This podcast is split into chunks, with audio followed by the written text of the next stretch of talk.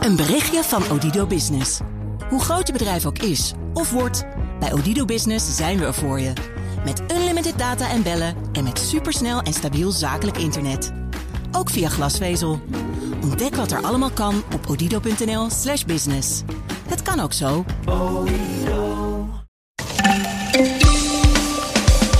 De regering botst met de Tweede Kamer over de stroperige aanpak van de evacuatie van Afghanen die Nederland hebben geholpen.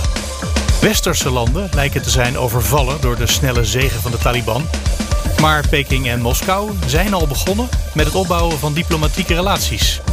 En zo'n 30 gemeenten experimenteren met een app waarin burgers en ondernemers een vermoeden van criminele activiteit kunnen melden. Privacyjuristen en de autoriteit persoonsgegevens waarschuwen voor grote risico's. Dit is Nieuwsroom, de dagelijkse podcast van het Financiële Dagblad en BNR Nieuwsradio. Met het nieuws verteld door de journalisten zelf. Ik ben Mark Beekhuis en het is vandaag dinsdag 17 augustus. Hallo, Thomas van Groningen van Hi. BNR. Hi. Op de Haagse redactie, of wat daarvan over is, denk ik, hè? want dat hele gebouw is onttakeld. Ja, het is een beetje gek. Ik moet dan via een zijdeur op het binnenhof naar binnen. Eh, maar goed, eh, we, we- het voelt een beetje eenzaam, maar dat is prima. Ja. Ik hou je heel eventjes, eh, dus we maken ook niet een al te lange opname, uit het debat over Afghanistan. Over de vraag wat we met de tolken, Afghanen die voor Nederland gewerkt hebben, wat we daarmee moeten. Wat inmiddels verbreed is, hè? ook tot de koks en de chauffeurs en iedereen die Nederland geholpen heeft. Nou ja, dat is nog de vraag hè, of het kabinet dat wil doen. Dus, dus de Tweede Kamer lijkt dat te willen. En eh, er moet nog over gestemd worden, dus het is niet helemaal duidelijk. Maar er lijkt een meerderheid voor te zijn in de Tweede Kamer die zegt: ga nou verder dan alleen het terughalen van tolken. Eh, en dan komt de, rest, de, de, de opsommingen worden steeds langer. Bewakers, koks, justitiële medewerkers, journalisten, fixers van journalisten. Eh, ik had er nog net een paar bijgeschreven. Ook inderdaad medewerkers van NGO's. dus goede doelenorganisaties die daar aan het werk zijn geweest. Eh, die Ja. moeten allemaal ook teruggehaald worden met hun families. Mensen die wij natuurlijk in gevaar hebben gebracht door eerst ze voor ons te laten werken en nu te vertrekken. Ja, en de, de, de- het- het verhaal gaat dan dus, en dat, dat, dat blijkt dus, dat de Taliban eh, wellicht wraak zou willen nemen op die mensen. Eh, we weten dat in een aantal provincies, dat melden in ieder geval Amerikaanse persbureaus al een tijdje, dit ook echt gebeurt. In Kabul geloof ik dat we het nog niet zien, maar ja, dat is natuurlijk een kwestie van tijd. En de Taliban is met een soort van charme-offensief bezig internationaal. Eh, goed, dan moet ik even afgaan op mijn collega's die dat soort politiek volgen. Maar die, dat, dat ze het beeld laten ontstaan dat ze echt niet dit soort wraakacties gaan, eh, gaan ondernemen. Maar ja, het, het blijkt toch in, in ieder geval de randgebieden van eh, Afghanistan al wel gebeurd te zijn. Dus ja, het risico is bijzonder groot voor deze mensen. Straks een eh, uitgebreid gesprek met Jean Dome, wat ook veel meer over dat soort aspecten gaat Oh, en over de geopolitiek. Het is goed om het alvast even te benoemen, want dat is relevant voor dat debat wat nu speelt. Voor we het over de inhoud hebben, moeten we het eerst even hebben over de valse start die de regering met dit debat maakte. Ja, en, daarbij valt dan toch op, en het begint een beetje een trend te worden in eh, kabinet Rutte 3, dat eh, eh, bewindspersonen van dit kabinet de, de controlerende taak van de Tweede Kamer misschien niet zo serieus nemen. De Tweede Kamer heeft op, in juli al Kamervragen gesteld. Op 29 juli is er toen nog een extra set Kamervragen gekomen. Dus, dus eind vorige maand. Op 10 augustus, dat is inmiddels een week geleden, eh, kwam er nog eens een spoedappel achteraan. Van jongens, kom nou eens met die antwoorden op die vragen. En dat ging hierover. Hoe zit het met die tolken? Hoeveel hebben we dan gehaald? Hoeveel zitten er nog? Hoeveel, hoe zit het met, met, met het ambassadepersoneel? Hoeveel mensen hebben we daar nou in dienst gehad? Hoeveel mensen lopen er een gevaar? Wat is de inschatting? Al die vragen. En ehm, het debat begon vandaag en eh, er zijn nog geen antwoorden op die Kamervragen. Dat zijn schriftelijke vragen. Die zijn er nog niet. En dat is toch wel heel opmerkelijk dat dat zo lang duurt. Ehm, en dan kan je zeggen, nou, dat kan een keer gebeuren. Maar Ja, het Ja, is een patroon. Dat is eh, wat, je, wat we nu zien. je zou kunnen zeggen dat, dat omdat dit nu bij meerdere thema's al zo vaak gebeurd is, ja, dan gaat het toch wel opvallen. Eh, ik geloof dat Peter de Vries ooit de legendarische woorden sprak. Eén keer is een incident, twee keer is toeval en eh, drie keer is een patroon. Dat hebben we dan nu gepasseerd, dat punt. Wat het kabinet hierover zegt trouwens zelf is, dat zeggen we, alle ambtenaren op het eh, ministerie waren zo bezig met de crisisbeheersing, dus het terughalen van die, eh, die, die tolken. Daar waren ze zo druk mee dat we geen mensen wilden inzetten om eh, de Kamervragen te beantwoorden. Maar die crisis was er toch nog niet op 29 juli? Precies, dat is ruim voordat het land echt keihard werd overlopen. En Renske Leijten werd er ook echt een beetje kwaad op. Die zei, nu wordt net gedaan alsof wij als Kamer met onze vragen lastig zijn... en het Ja. ministerie afhouden van het werk dat ze moeten doen. Dat is natuurlijk niet zo. Wat is de sfeer in het uh, debat? Wat uh, tot nu toe, het is ongeveer een half uur bezig als wij uh, dit bespreken, ietsje langer. Wat is de sfeer tot nu toe? Ja, die is toch wel pittig. Uh, flinke uithalen naar het kabinet, ook vanuit regeringspartij D66. Salima Belhaai die daar wat vragen stelde. Je merkt dan toch dat ze echt boos zijn en vol onbegrip zitten. Vooral omdat zij zeggen, wij als Kamer hebben hier al zo lang geleden over gewaarschuwd. Het gaat terug tot 2019. Toen is hier al een motie over ingediend, omdat het toen op begon te lijken dat de Amerikanen zich terugtrokken. In april, toen de Amerikanen daadwerkelijk aankondigden, we gaan in september, uh, komt, gaat de laatste Amerikaan uh, Afghanistan uit. Toen heeft, is in de Tweede Kamer ook aan de bel getrokken. En het lijkt erop dat de verantwoordelijke minister en staatssecretaris in de tussentijd niet zo heel veel hebben gedaan. En, uh, of in ieder geval, dit niet op die manier hebben opgepakt als dat de Tweede Kamer het wilde. En daar wringt nu de schoen. Dat zij zeggen, ja, we hebben toch gewaarschuwd. Jullie hebben niet naar ons geluisterd. Welke vragen leven er? En zijn dat van links tot rechts dezelfde vragen? Of zie je hier misschien toch ook gewoon wel uh, de VVD tegenover, pak een beet, de Partij van de Arbeid staan? Nou, dat, je ziet wel wat tegenstelling hoor. Maar wat je ziet, eh, de gemene deler bij iedereen is vooral, uh, men wil weten hoeveel. Wat is er gebeurd? Eh, dus hoeveel mensen zitten daar nog? Hoeveel mensen zouden we nog moeten ophalen?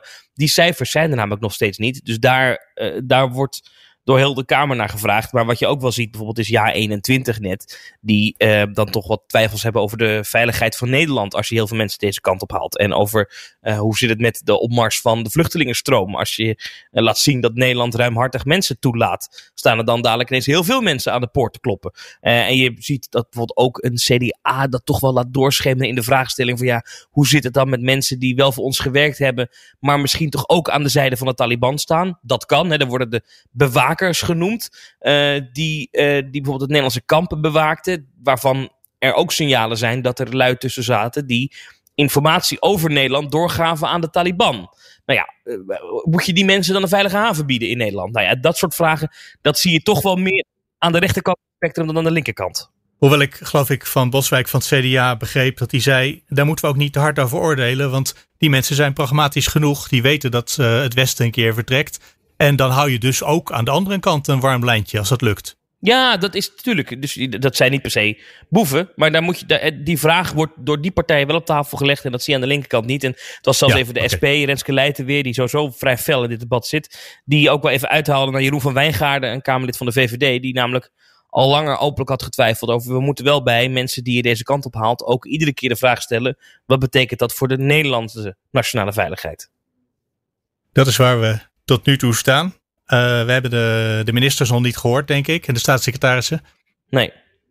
Dus wat de antwoorden van de regering zijn, dat, uh, daar gaan we het later in deze week over hebben. Wat te denken van uh, komende vrijdag. Ik denk dat we in Nieuws Den Haag wel heel wat te bespreken hebben, ja. Ja, en als het helemaal uit de hand loopt, dan wie weet tot morgen. Thomas, dankjewel voor nu. Joe.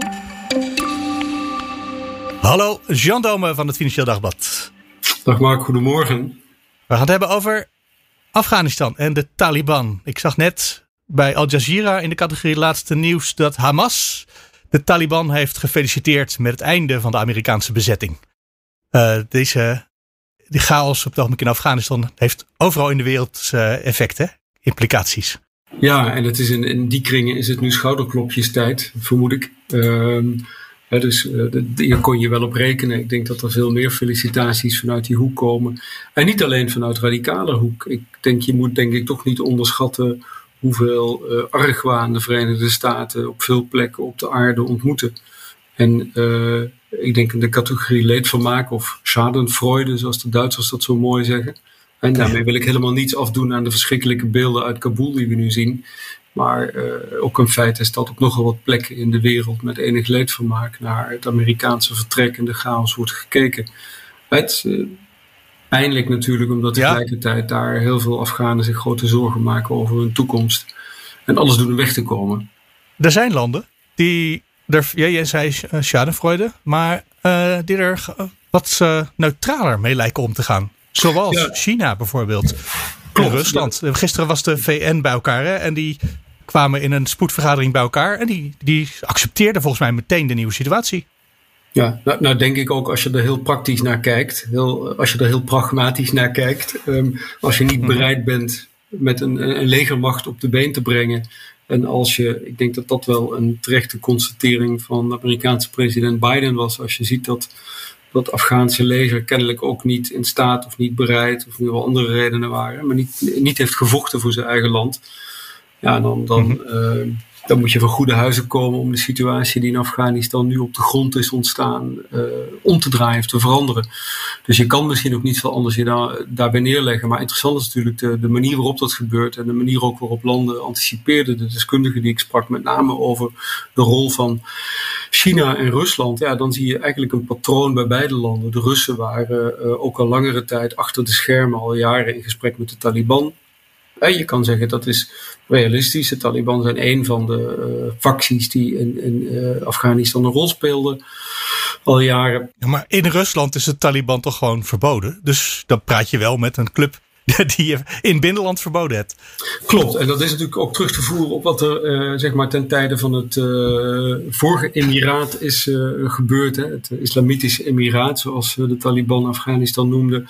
Toen ze op een gegeven moment ik, ik meen dat ze in, in het jaar 2000 was het opeens besloten Tsjetsjenië, wat toch echt een Russische deelrepubliek is. Hè, dan gingen ze de onafhankelijkheid erkennen aan een soort solidariteit met hun uh, islamitische broeders daar. Uh, in die periode zie je wel dat de Taliban inderdaad, die, die angst was heel groot. Toen en nu eigenlijk ook. Dat verklaart ook denk ik het optreden van Rusland en China nu. Toen was die angst heel groot dat het zich verder zou verspreiden.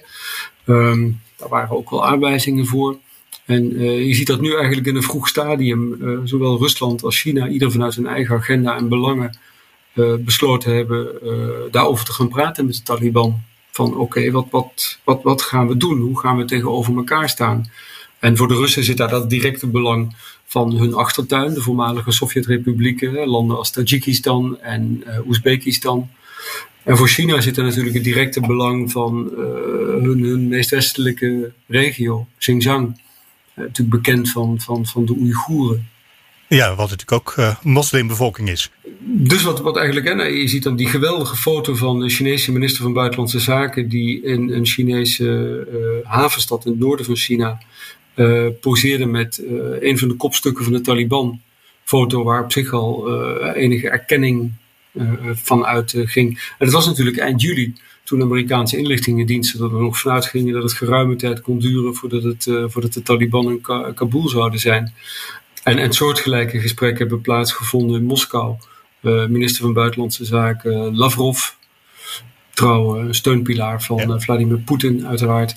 Die heeft op begin juli overleg gevoerd met de Taliban. En daar, daar zijn dit soort dingen aan de orde gekomen. Jullie blijven buiten onze grenzen. Ja, je blijft eigenlijk met je, met je tengels van Oezbekistan en Tajikistan af. En de Chinezen hebben een soortgelijke boodschap gehad van je, boei, je bemoeit je niet met onze interne aangelegenheden. En wat daar voor China natuurlijk bij komt, is een, uh, het is natuurlijk toch interessant. Kijk, China heeft de afgelopen jaren honderden miljarden in het kader van dat Belt and Road Initiative, die nieuwe zijderoute, geïnvesteerd. Uh, ook in Pakistan, een uh, land waar natuurlijk, hè, waar in begin jaren negentig, als ik uh, goed heb opgelet tijdens de geschiedenislessen, de Taliban ook uh, zo'n beetje zijn ontstaan. Veel onderlinge contacten, veel indirecte steun en ja, mensen zeggen ook directe steun vanuit Pakistan voor de Taliban. Maar goed, China heeft ruim 60 miljard in, in Pakistan geïnvesteerd. Hè, die grote economische corridor. Nou is het wel zo dat Pakistan natuurlijk aan zee ligt. Dat was voor China van groot belang. Maar goed, China heeft al in meer landen investeringen gedaan. Luchthavens in uh, Sierra Leone, uh, nou, nou, nou, noem maar op, havens overal. Uh, spoorlijnen. Um, ik, ik, kan me goed voorstellen dat Peking met de geldbuidel heeft gerammeld. En uh, die contacten waren natuurlijk in het verleden ook met de vorige Afghaanse regering, waar China even makkelijk zaken mee deed. Maar dus als wij het hebben over nation building, dat is misschien iets wat China nu gaat doen. Thuis die foto die je net noemde. Ja. Dan moeten de mensen echt eventjes in de show notes kijken. En dan zie je een linkje naar het uh, artikel ja. wat je gemaakt hebt. En daar staat. Zeker, het, het is een prachtige foto, want hij zegt, hij zegt alles. Maar waarom lukt dat ons niet, de Chinezen wel, de Russen wel? Uh, want wij hebben natuurlijk. Uh, ja, of het, ik heb het verkeerd gezien. Maar onze politici, zoals hier in Nederland en zelfs hier in Amerika. Die lijken overvallen door hoe snel het allemaal daar gaat en hoe snel ze vrienden moeten worden met de volgende regering van Afghanistan. Ja, klopt. En er zit natuurlijk wel, en, dat zie je, eh, als je nou, het is eigenlijk wel aardig om even te kijken naar, naar die nieuwe zijderoute van de Chinezen. Ehm, de Chinese methode, los van het feit dat ze over heel veel geld beschikken, dan kun je zeggen, nou, het Westen is ook in staat om grote geldbedragen, als we dat zouden willen, vrij te maken. Zij via het IMF, Wereldbank, uh, leningen, naar, om de ontwikkelingen in landen te steunen. Ehm, maar wat natuurlijk bij China en uh, bij Rusland ook meespeelt, is dat zijn bij uitstek landen die uh, niet moeilijk doen, die, die niet beginnen over democratie, die niet, niet beginnen over uh, gelijke rechten van mannen en vrouwen.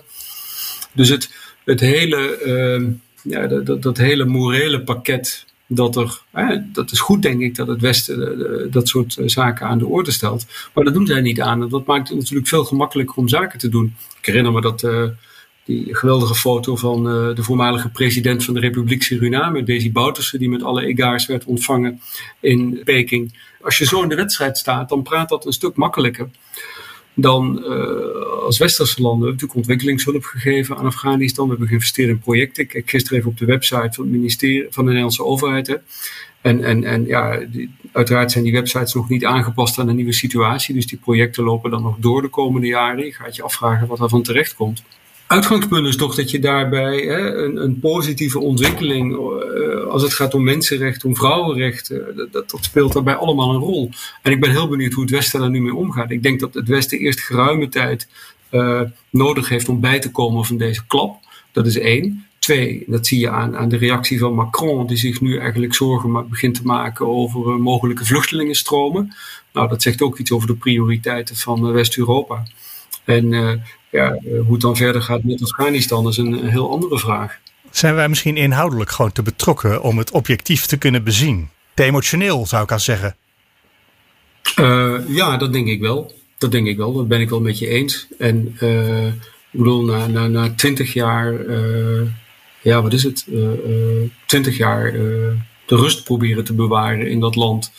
Uh, partijen die niet of moeilijk op één lijn waren te krijgen, toch op één lijn proberen te krijgen. Nou, Nederland heeft politieagenten opgeleid, onder andere. Er zijn, maar goed, vergeet ook niet, er zijn ook nogal wat Nederlandse militairen om het leven gekomen in uh, de afgelopen jaren.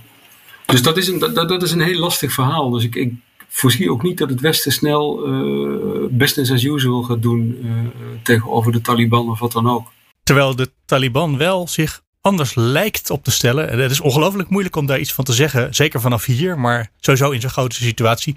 Maar die lijken zich anders op te stellen dan twintig jaar geleden. Hè? Met nu bijvoorbeeld uh, een uh, decreet dat invallen in huizen van mensen die verdacht worden van collaboratie, dat dat voorlopig even niet kan.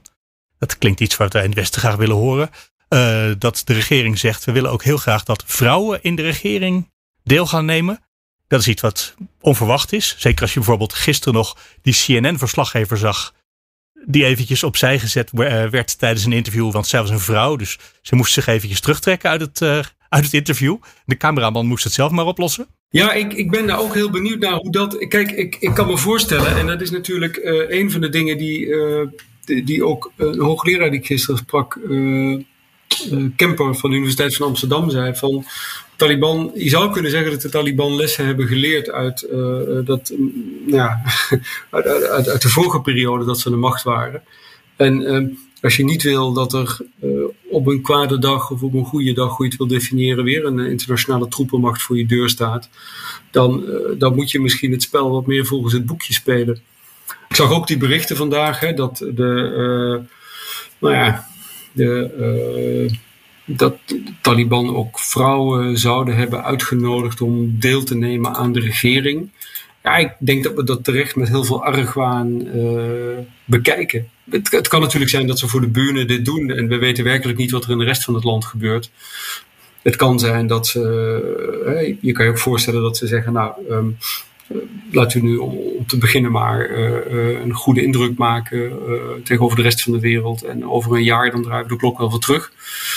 Dus het alle reden om, om zo'n organisatie met heel veel argwaan en ook wel een dosis cynisme te bekijken. Maar inderdaad, misschien dat de Taliban in staat zouden zijn tot realpolitiek. En besluiten van, ja, laten we inderdaad maar niet op de spits drijven. En dan is de vraag met wie ze rekening moeten houden in zo'n realpolitiek. Of dat de Chinezen en de Russen zijn, die het allemaal niet zoveel uitmaakt. Of dat Europa of Amerika of een ander stuk van de westerse wereld nog daar een rol wil spelen op de een of andere manier. Ja, en daarvoor is het eigenlijk veel te vroeg om dat nu uh, goed te kunnen beoordelen. Hè. Ik denk wel, kijk, de Russen en de Chinezen staan gewoon op, op, op, op de lijn van uh, je blijft van onze invloedssfeer af, of van ons land. In het geval van de Chinezen. De Chinezen lijken ook bereid om in ruil daarvoor. Hè. Ik zag een verklaring van, van de Chinese overheid vanuit Peking een paar dagen geleden. Uh, waarin werd gezegd, nou, we staan klaar om onze relatie met Afghanistan te verdiepen. Ja, dat, goed, dat is allemaal duidelijke taal. Hè? Dat is een, een, een, een, een, een mm soort uh, deal van jullie laten ons met rust en dan zijn wij best bereid om, uh, om, om, om jullie verder te helpen. Wat natuurlijk voor die landen ook een rol speelt op dit moment. Dat is iets wat Frans Paul van der Putten van Instituut Klingendaal, denk ik, goed uitlegde in het artikel dat ik heb geschreven. Uh, waarvoor ik hem interviewde. Hij zegt van, dit is natuurlijk een uitgelezen kans voor China, maar ook voor Rusland om dat falen van Amerika, hè, om dat aan te grijpen, om hun eigen invloed verder te vergroten. Dus tegen andere landen te zeggen, nou ja, kijk eens even, dit is wat er gebeurt als je, met, als je lot aan, dat, aan Amerika verbindt. Dan loopt het zo met je af. Ik hoorde ergens, of misschien las ik het in jouw stuk, of hoorde ik het ergens op de radio, ik weet het niet eens meer precies. Iemand de link maken naar Taiwan, waarin China dan zou duidelijk gemaakt hebben. Kijk, Taiwan, dit is als je vertrouwt op de beveiliging vanuit Amerika. Ja, het is natuurlijk allemaal propaganda. En uh, ja, ze zouden hun werk slecht doen als ze dat niet zouden proberen uit te buiten. Dat is ook waar. Jean Dome, we zouden, want de wereld is best groot, hier nog een hele tijd over door kunnen praten. Ja, het is ook het, het maar is laten we dat alle kanten op. Hè? maar het, uh, het is, ja. ik kan de luisteraars aanraden het artikel te lezen, de schitterende foto te bekijken. En, het, uh, en, en, we zijn benieuwd, we zijn echt benieuwd hoe de, hoe, welke, welke houding uh, West-Europese en ook landen en ook de Verenigde Staten de komende maanden tegenover Afghanistan gaan kiezen. Wat hun prioriteiten zijn en, en hoe ze met de Taliban om zullen gaan. En wat de Taliban gaat doen. En, en ook dat inderdaad. Dankjewel, Jan. We gaan het zien. Hey, fijne dag. Hallo, Jan-Fred van Wijnen van het Financieel Dagblad. Goedemorgen, Mark. Beekhuis van BNR Nieuwsradio. Helemaal compleet. Hoewel deze podcast dus inderdaad ook van FD en BNR samen is. We gaan het hebben over klik-apps die gemeenten aan het uitproberen zijn. Ja, het is, het is, uh, het is één app. Um, maar inderdaad, uh, op, op veel verschillende plekken wordt dezelfde app gebruikt. Ja, is het, wordt het niet meer fout als iedereen hem op zijn eigen PC installeert of op, op zijn eigen mobiel? Um, ik, ik nou, weet je, laat maar zitten dit. ja, in ieder geval 30 gemeenten die gebruiken zo'n app voor mensen die zich zorgen maken over iets wat er in de buurt gebeurt. Kunnen ze melden aan de gemeente? Ja, het, het, initiatief eh, ligt bij de gemeente. Het is eigenlijk andersom. De gemeente maakt zich zorgen over bepaalde wijken waar ze uh, van weten dat, dat daar gebeuren dingen die uh, waarschijnlijk niet kloppen. We krijgen wat signalen links en rechts, maar we, we hebben ook helemaal geen mensen of tijd om dat goed uit te zoeken. De politie eh, wordt overal bezuinigd. Er rijden minder, er patrouilleren minder auto's. En toch, we willen als gemeente willen we niet erin stinken dat we een subsidie geven of een vergunning aan een, uh, een, een, ondernemer. Die, daarvan hadden we kunnen weten dat hij niet uh, kosher is. Dus we zijn op zoek naar meer informatie. Hè, voor de dingen die een gemeente kan doen. En wat kan een gemeente doen? Nou, in hoofdzaak uh, twee dingen. Ze kunnen vergunningen of subsidies eh, weigeren of intrekken.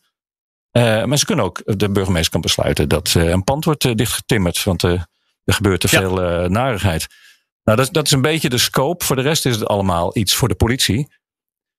Maar de gemeentes willen dus meer informatie verzamelen.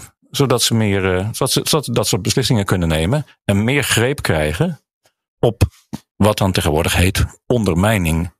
ondermijning van de samenleving door de criminaliteit. Maar dan stuurt de gemeente mij een brief. Beste Mark Beekhuis, uh, bij u in de straat is het ogenblik. Nou, wij maken ons wat zorgen over hoe het daar gaat.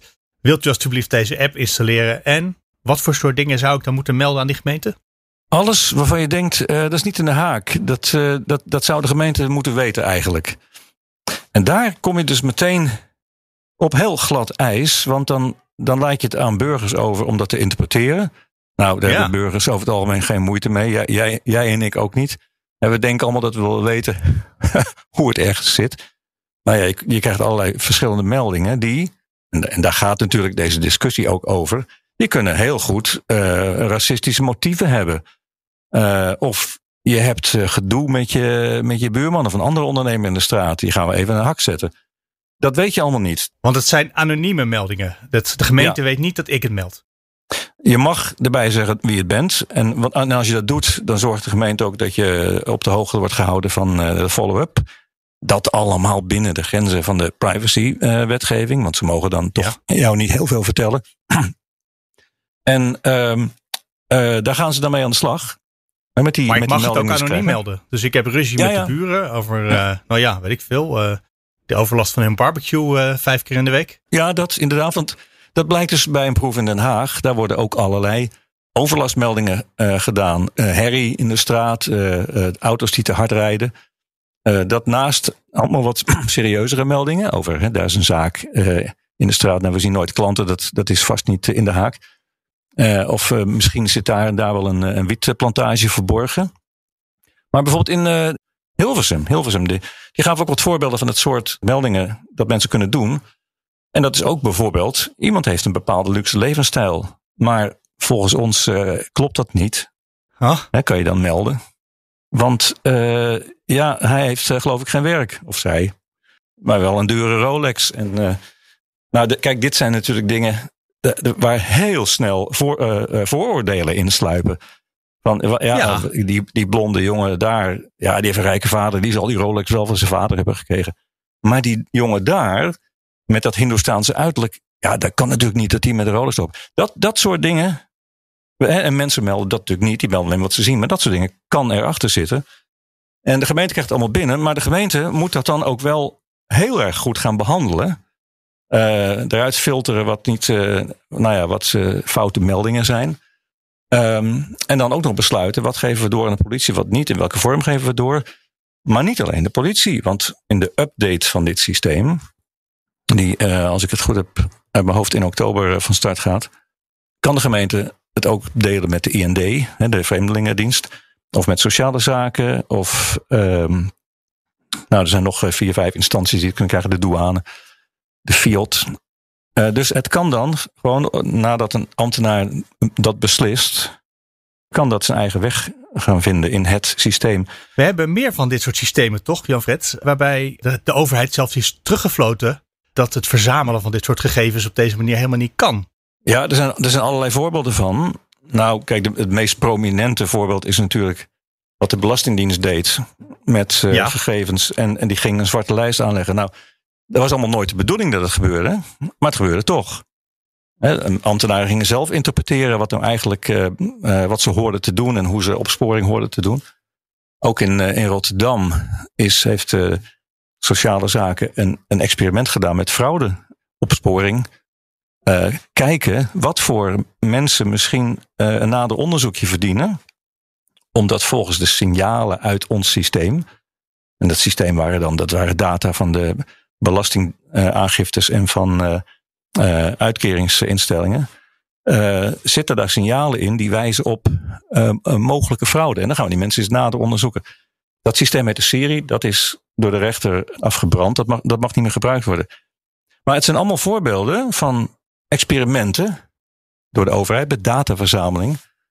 Waar geen maatschappelijk debat over was geweest. Dat moest allemaal achteraf hersteld worden. Dat geldt hier ook weer. Alle gemeenten uh, doen dat. Je snapt best dat ze het doen, want ze zoeken naar informatie. En ze zijn ervan overtuigd dat ze dit goed behandelen. Maar dit zijn toch wel typisch dingen waar je met z'n allen over wilt praten voordat je eraan begint. Den Haag die doet dit al vrij lang, uh, want ze hadden aanvankelijk de app alleen uitgedeeld onder politiemensen om te kijken hoe dat functioneert en wat voor type meldingen ze binnenkrijgen. Of ze dat kunnen hanteren, of het niet veel te veel worden bijvoorbeeld. Ja. Uh, en daarna hebben ze pas besloten om het in een bepaalde winkelstraat te gaan uitdelen. Maar volgende maand, of in oktober, uh, wordt er pas over gedebatteerd in de gemeenteraad. Dan gaat uh, de gemeente gaat vertellen wat, ze daar, wat voor ervaringen ze hebben. Ook wat de privacy aspecten zijn die hier, waar ze tegenaan lopen. Dat is ook een beetje achteraf. Ja, hoewel ik me wel kan voorstellen dat je eerst een experiment doet voordat je weet of je het wilt gaan invoeren en dat je dan mhm. pas met de gemeenteraad er een discussie over kan hebben. Ja, dat kun je je voorstellen. Maar je kan ook zeggen, dat gaan we niet doen. Principieel willen we het sowieso niet. Want er gaan allemaal gegevens over mensen in systemen sluipen. En we willen heel graag van tevoren weten of we dit wel willen. Dit, zijn toch, uh, dit zouden collectieve beslissingen moeten zijn. Zijn er eigenlijk op het landelijke niveau, in de Tweede Kamer, of misschien op Europees niveau, niet gewoon regels die dit toestaan of verbieden? Nou, dus, je hebt natuurlijk uh, hoe heet het, het Europees Verdrag voor de Mensenrechten. Die vertelt hoe je op, op grond van wat je allemaal beslissingen mag nemen over mensen. Je hebt de privacywetgeving in Europa, die, die alle Europese landen in, invoeren, hebben ingevoerd. die ook vertelt wat voor soort persoonsgegevens je mag bewaren hoe lang je ze moet bewaren. Alleen dat zijn uh, wel hele algemene richtlijnen. En iedere keer als er weer een nieuw experiment is, dan ontstaat er weer een nieuw debat over: uh, is dit wel hoe de wet bedoeld is? Uh, en dan komt het tot rechtszaken en dan is er een rechter die zegt: nee, dat was niet de bedoeling. Dus we, zitten, we staan echt nog heel erg aan het begin van leren omgaan met zoveel digitale gegevens over mensen. Ja. Nee, want ik zeg, jij zegt nu die privacywet en die, die geeft mij het recht om mij te laten verwijderen uit zo'n database. Alleen ik weet natuurlijk, als iemand anders mij anoniem meldt, weet ik niet eens dat ik erin sta. Dus ik weet ook niet dat ik moet opvragen, wat weten jullie van mij eigenlijk? Nee, dit is ook uh, precies waar privacy experts zich zorgen over maken bij dit systeem. Je komt er niet achter. De politie doet het natuurlijk ook, maar de politie wordt geacht al heel lang allerlei uh, uh, nou ja, safeguards te hebben. Dat dingen niet uitlekken. Natuurlijk lekken de dingen uit, ook bij de politie. Dat ze niet pro profilering gaan doen. Maar daar heb je inderdaad meld misdaad anoniem. Ja, dan, dan, dan moet je, als je daar iets wil melden, moet je wel echt een misdrijf weten. Hier gaat het om vermoedens. Van iets is niet in de haak, ik weet niet wat het is, maar ik meld het maar even. Ja, dus dat is een heel ander terrein. En dat debat hebben we nog niet gevoerd. Dit wordt ondertussen in 30 gemeenten gebruikt. Ja. Van de 350 of zo. Dus dat is toch best wel een flink deel. Ja, niet allemaal uh, delen ze het meteen aan burgers uit. Hè? Dat, dat doet Den Haag nu. En anderen zeggen, uh, de anderen geven bijvoorbeeld eerst aan ondernemers in een bepaald, uh, op een bepaald bedrijventerrein. En afhankelijk van de ervaringen daarmee, wat voor type meldingen ze krijgen en of ze dat kunnen handelen. Afhankelijk daarvan besluiten ze dan om het ook aan burgers uit te delen. Ja, dus maar voor ondernemers, stapjes. voor ondernemers is het natuurlijk toch ook gewoon dat je denkt, uh, ik heb een hele uh, aardig lopende kaasboer. Maar als ik die kaasboer één straat verderop eens even zwart ga zitten maken, dan gaat mijn omzet vast omhoog. Ja, nou ja, dat zou kunnen. kan toch? Kan ook, ja, maar het kan ook zijn dat, dat je denkt, uh, daar wordt alleen maar, bij die buurman in, in die loodstraat, daar wordt alleen maar s s'avonds iets in en uitgeladen. Dat kan niet kloppen. Nou, dat is op zichzelf een signaal van mogelijke wiethandel ja. of zoiets. iemand die iets doet op het moment dat niemand kijkt. Dat, dat, dat is logisch dat, dat je dat dan gaat melden. Maar het kan heel goed volkomen legitiem zijn. En wat, wat doet de gemeente dan met zo'n melding over jou als ondernemer? Nou, vertel het maar. Wat doen die gemeenten daar tot nu toe mee? Weten ze dat zelf al? Nou, ik ben uh, op een reportage geweest bij, uh, met de gemeente Lansingerland. Een nieuwe gemeente in vlakbij Rotterdam. Die heeft wel een, echt een groot veiligheidsprobleem. Veel te weinig politie. heel veel grote bedrijventerreinen, waar precies die dingen gebeuren, die volkomen legaal kunnen zijn. Glastuinbouw, distributie, dag- en nachtwerk. Uh, maar die ook in, in ideale dekmantel zijn voor drugs- of wapenhandel. Ja. dus van buiten zie je het verschil niet.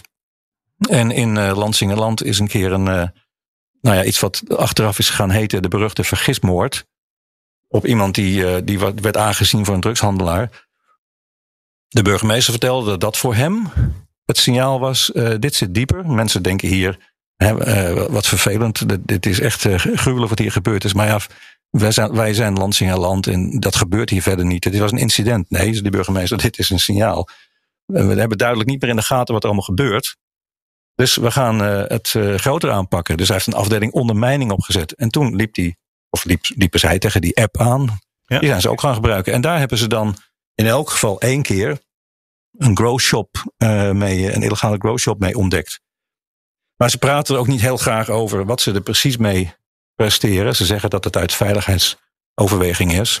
Er gebeuren dingen die zijn niet uh, helemaal oké. Okay, de, de medewerkers van uh, de, die afdeling ondermijning, die hebben ook alleen maar codenamen. Dat was ook de afspraak als ik meeloop. Uh, geen enkele naam noemen of iets dat ze te herleiden zijn, want ze worden allemaal bedreigd. Sinds ze deze activiteiten zijn gaan opvoeren. Ja, dus er speelt daar echt van alles. En in die omstandigheid zeg jij, kan je je voorstellen dat de gemeente zoiets overweegt? Ik kan me voorstellen dat ze denken, wij hebben meer informatie nodig. Je kan ook denken, we sturen gewoon twee wijkagenten elke avond op de fiets om een rondje ja, te fietsen. In ja. plaats van in de auto daar langs te Ja, rijden. of, of kijk, dat, dat, is, dat ligt dan een beetje buiten je eh, middelen als eh, gemeente. Want je, je gaat niet over het politiebudget. Maar ehm, ehm, kijk, zij, bijvoorbeeld zij vallen onder de regio, eh hoe heet het ook alweer? Schie- Schieland West of zo. Die, die bedient dan met zijn politieapparaat verschillende gemeenten. Ja. Eh, maar je kan wel besluiten, eh, we gaan, eh, ik weet niet, eh, 15 straatcoaches inhuren. Om het, eens, hè, om het zo een beetje op te voeren. Die mensen kun je ook opleiden in hoe ga je om met signalen en met persoonsgegevens. Ja. Dan, dan hoef je niet nog meteen een heel digitaal systeem op te tuigen met meldingen over mensen waarvan, waar iedereen heel ongemakkelijk van wordt. Die bovendien dan vervolgens automatisch doorgaan naar wat zei je net allemaal niet. De douane en de immigratiedienst en eh, sociale zaken. Dat gaat niet automatisch door, maar dat moeten ambtenaren van zijn gemeente steeds beslissen. Eh, Voegen Ja. we dit toe aan het dossier? Gaat dit naar de politie of gaat dit naar de IND? maar nu, Het gaat wel allemaal om met- vermoedens. als je het met straatcoaches doet, dan moet iemand de telefoon pakken en zeggen: Ik ga toch eens bellen met IND. En in dit geval is het. eh, de computer geeft een lijst van 35 meldingen. Zullen we die maar doorzetten? En dan is het één klik. Ja, maar je kunt ook straatcoaches heel goed eh, proberen te trainen. Van, waar moet je nou op, op, op letten? Ga niet meteen op je eerste vooroordeel af, maar eh, bespreek het even met elkaar. Voordat iets in een systeem komt. De, en, en er gaat natuurlijk ook weer een preventieve werking van uit. Dus dat, ja, Ja, het, het is allemaal iets, dat moet je als gemeente natuurlijk eh, moet je zelf kiezen. Maar deze mogelijkheid is er ook. En dan ga je niet meteen die hele digitale wereld in. Waarin data wordt opgeslagen. En eh, ja, mensen worden er heel zenuwachtig van. En vaak eh, ook, hè, blijkt achteraf, terecht. dit debat wat wij nu zo'n beetje aan het voeren zijn, dat, eh, dat hebben we nog niet goed gevoerd in Nederland. Het is het debat, daar gaat het om. Hier moet je over debatteren. En dan, en dan met z'n allen besluiten, we gaan die weg in of niet. Alfred van Wijnen, dank voor het voorzetje. Nou, gedaan. We komen aan het einde voor vandaag. Je weet, de show notes die vind je op bnr.nl slash nieuwsroom. En daarbij staat dus onder andere die link naar het artikel van Jean Dome... met daarbij die prachtige foto van een Chinese minister, die van Buitenlandse Zaken... en een mullah, de politieke topman van de Taliban... die in China was om daar in juli al over hun relaties te spreken. En je kan altijd reageren. Mail naar nieuwsroom.bnr.nl of nieuwsroom.fd.nl. Zoals Peter, die nog wat informatie toestuurde over een item waar we het gisteren over hadden. Namelijk het maximumbedrag wat je kan krijgen bij de DVL. Dankjewel daarvoor Peter. En ik heb het natuurlijk ook doorgestuurd naar Yildau, die voor BNR met dat item bezig was. En morgen zijn we er weer. Graag tot dan.